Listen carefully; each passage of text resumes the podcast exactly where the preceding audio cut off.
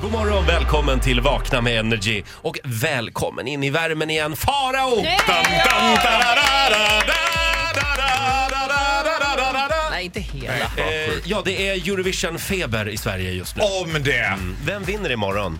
Eh, ja, det, eh, I think Russia will win. It's- Mm. Sergej. Mm. eh, Sergej, everyone thinks Russia, I too think Russia. Det, det är nog så, tyvärr får man säga. Bra låt, men eh, inte så kul land. Ja, men det är ju ofta så i Eurovision. Bra låt, inte så kul land. Det skulle man kunna kalla hela Eurovision. Sammanfattning.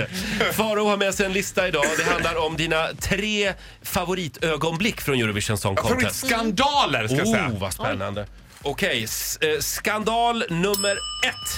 Ja, alltså Ryssland är ju ett land som har stått för väldigt mycket skandaler i eh, Eurovision. Mm. Och 2013, eller 2003, förlåt, 2003 så var ju monstergruppen Tattoo, ni vet de Ah. här Ja. två tjejerna som var man visste inte om de var syskon eller om de var lesbiska eller om de var så här, det var massa grejer.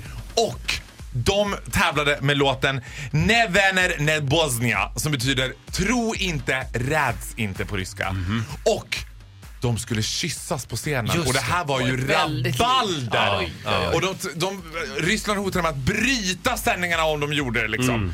Så att det var ju en superskandal och naturligtvis så gjorde de det.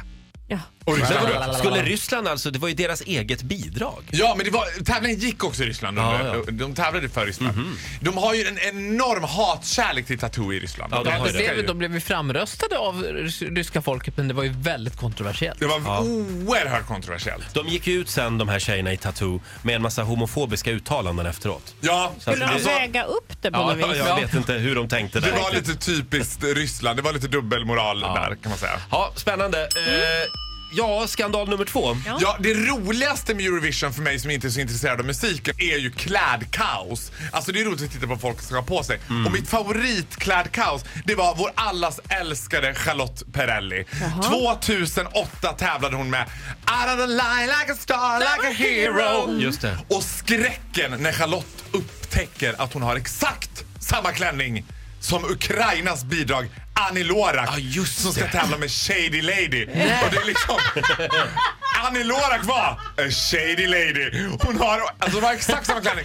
Och då, då är det lite så här att Charlotte hon, går ju liksom lite, hon kan gå lite i sidled, hon går lite framåt. Hon ser lite ut som Bambi Palis. Annie Lorak ser mer ut som ett aerobicspass. Det är mer den ukrainska liksom. Ja. Mm. Mycket hår, mycket liksom. Det gick inget bra för Charlotte Perrelli. Nej. Ja, hon hamnade på 18 plats. Hur med gick det Hero. för Anna Lori, Shady Lady? Hon kom på fjärde plats och det gick jättebra. Annie Lorak, det är alltså Carolina baklänges. Annie Lorak. Annie Lorak. Ah, just det. Ja, här- Skräck. Ni Verkligen. vet ju själv man ska gå på fest om man upptäcker att någon har varit på Carling och köpt samma skjorta som en. Men förstå att stå på Eurovision och bara Det är ju samma klänning som jag, nej! Nej, och hon dansar bättre. Skandal nummer tre. Ja, det är ju, det tvistas ju hela tiden i Eurovision om huruvida man får vara politisk eller inte. I år till exempel så har man ju förbjudit folk, eller så här, man har ju förbjudit folk svensk style. Man får vifta lite grann med prideflaggor under Rysslands bidrag. Men inte för mycket Nej. så att det verkar politiskt. Utan lite försiktigt får man vifta, lite glatt under Rysslands bidrag med sin prideflagga. Och redan 2009 så fanns det spår av politik och det är ju oftast Ryssland som får en känga. Nu var det Georgien som gjorde låten We don't wanna put in. Ja, Just det. We don't wanna put in. Putin. Det här var smart och det var- finurligt. Men vet ni, Broadcasting Union tvingade dem att ändra texten. Jorgen gick med på det här, men i den direktsända finalen så sjöng de ändå We don't wanna put in. Ah, de kuppade. We, de kuppade en riktigt härlig Eurovision-kupp. Så att de kom, eh, de blev Det visst... var ju som Lotta Engberg där med fyra bugg och Coca-Cola Ja. blev ju Buggaloo dansar rock'n'rolla. Precis. Boogaloo dansar också. Ja. Men det, får- man fick inte göra reklam. Nej. Men det är ju sådär, det är ju direktsändning, så vad som helst kan hända.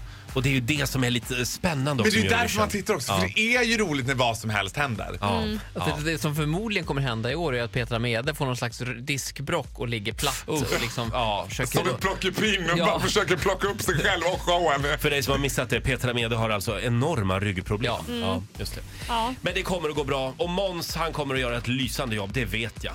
Men vet ni vad? Det viktigaste nu det är att Justin Timberlake kommer. Ja. Ja.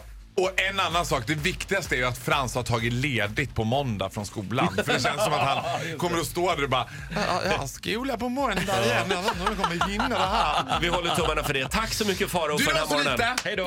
Hej då! Up with it girl. Energy.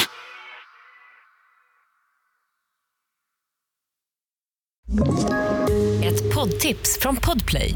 I fallen jag aldrig glömmer djupdyker Hasse Aro i arbetet bakom några av Sveriges mest uppseendeväckande brottsutredningar. Går vi in med hemlig telefonavlyssning och, och då upplever vi att vi får en total förändring av hans beteende. Vad är det som händer nu? Vem är det som läcker? Och så säger han att jag är kriminell, jag har varit kriminell i hela mitt liv men att mörda ett barn, där går min gräns. Nya säsongen av Fallen jag aldrig glömmer på Podplay.